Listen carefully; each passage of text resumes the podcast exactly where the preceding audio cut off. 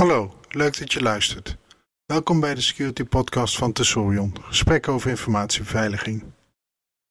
Dit is aflevering 18, opgenomen op 5 oktober 2018. Nieuws en de Facebook-hack.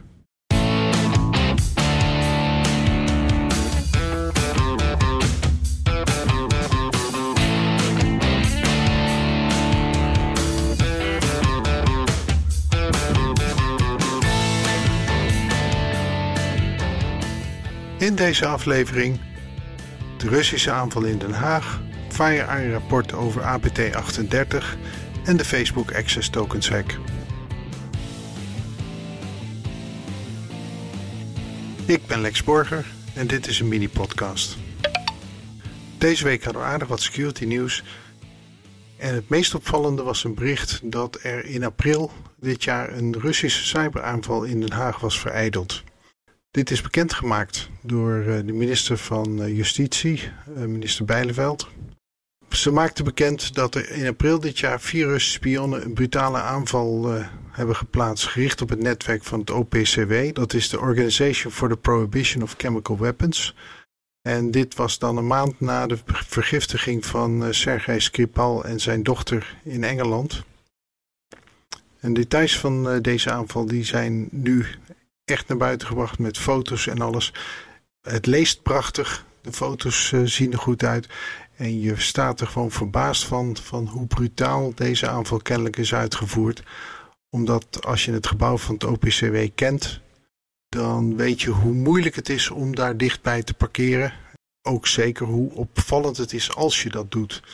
Deze vier spionnen die hebben dus gewoon echt uh, vol open in de, in de publieke ruimte heel brutaal hun werk gedaan.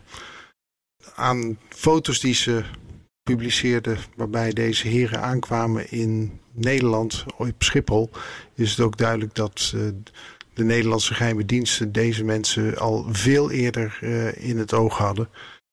En ja, als je dan alle analyses leest wat, er, uh, wat deze mannen nog meer gedaan hebben, dan denk je van ja, het is heel duidelijk dat er uh, Russische inmenging zit in de westerse wereld die niet helemaal uh, kosher is.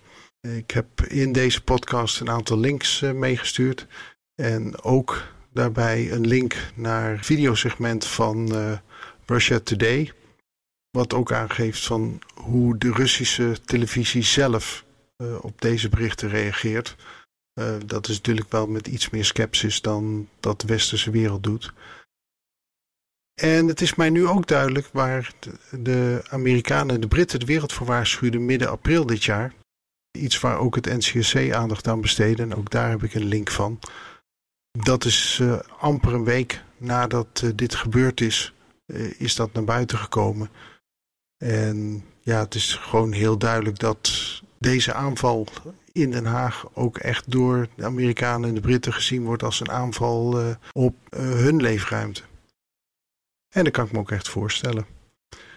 Het laat in ieder geval zien dat in de risicoanalyses wat wij verstaan onder uh, staatsactoren, dat dat een steeds interessanter en uh, brutaler segment wordt.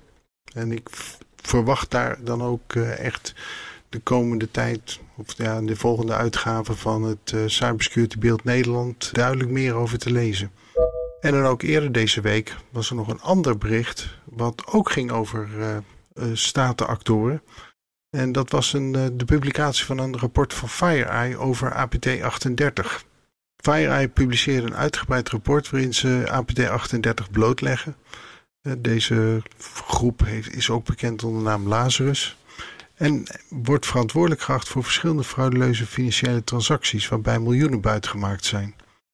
FireEye wijst eh, de vinger naar Noord-Korea met uh, aardig wat bewijs. En ik kan echt aanbevelen om het uh, rapport te downloaden en te lezen. Het is een heel interessant en spannend rapport. FireEye is geen onbekende met onderzoek naar APT-groeperingen.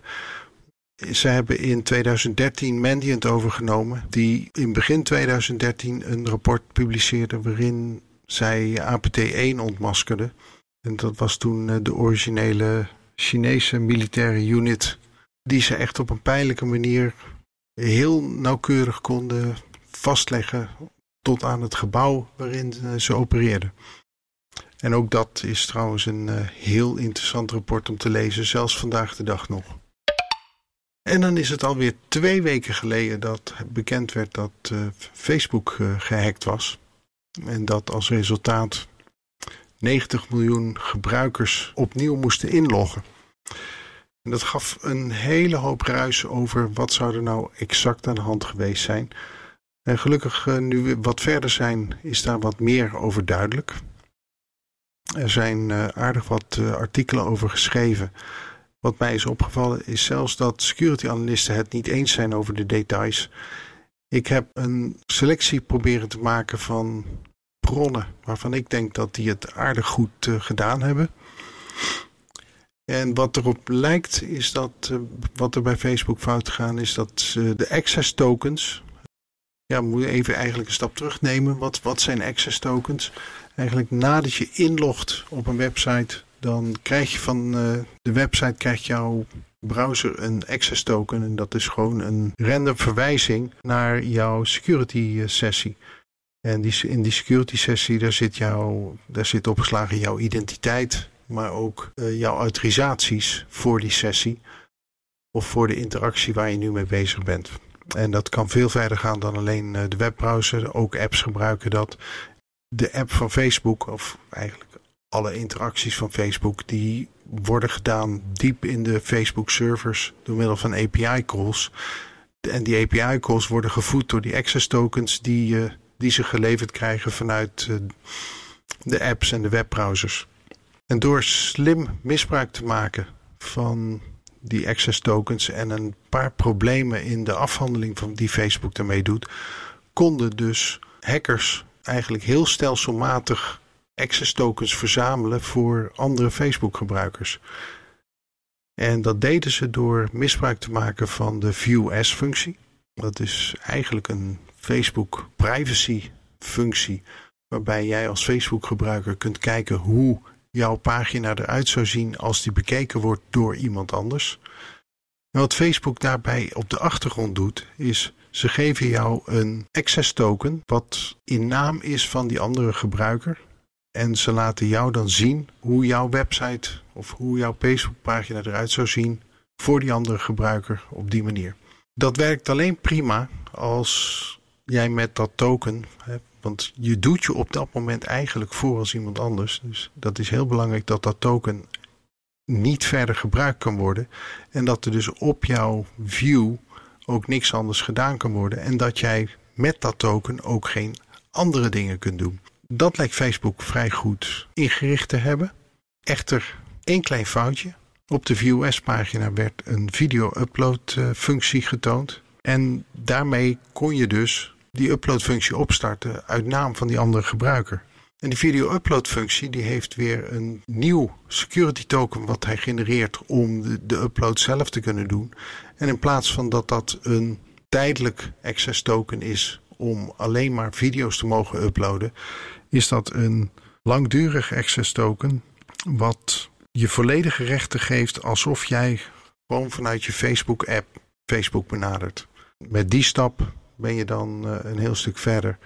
En dit had trouwens ook voorkomen kunnen worden als Facebook uh, functionaliteit had geïmplementeerd in zijn eigen app. Op een manier dat er zeker werd gemaakt dat als de View as functie geactiveerd werd, dat er geen andere access tokens gegenereerd zouden mogen worden. Maar ook dat is niet gedaan. En die optelsom maakt dus dat er ja, op het moment dat je dus die view en die video upload doet, eigenlijk twee hele simpele acties uh, jij je voor kunt doen als de gebruiker waarvan waarvoor je de view uh, aanvroeg. Wel mijn complimenten aan Facebook dat ze dat relatief snel gevonden hebben. Ondanks het feit dat ze meer dan een jaar kwetsbaar zijn geweest, lijkt het erop dat deze hack pas echt in de afgelopen weken actief misbruikt werd. En ze hebben dit uh, opgemerkt doordat ze een uh, verhoogde activiteit zagen van het gebruik van de View S-functie. Dat laat dus ook zien hoe goed zij hun uh, zaakjes monitoren. En ook hoe snel zij de respons erop gedaan hebben. Dit maakt echt dat je ziet dat Facebook zich wel degelijk bewust van is dat dit een, uh, een hele belangrijke functionaliteit is om met hoge kwaliteit in te vullen. En dat dit ook iets is waar ze heel snel actie op moeten ondernemen om nog enigszins het vertrouwen van de gebruikers uh, te kunnen houden. Ik verwacht hier dan ook niet dat er grote gevolgen zullen komen met betrekking tot een uh, GDPR-boete of zo ze hebben dit echt uh, in mijn ogen, van wat ik er nu van weet, goed afgehandeld. Maar ja, de tijd zal het leren hoe het, hoe het werkelijk gezien wordt, want het is eigenlijk allemaal nog heel vers.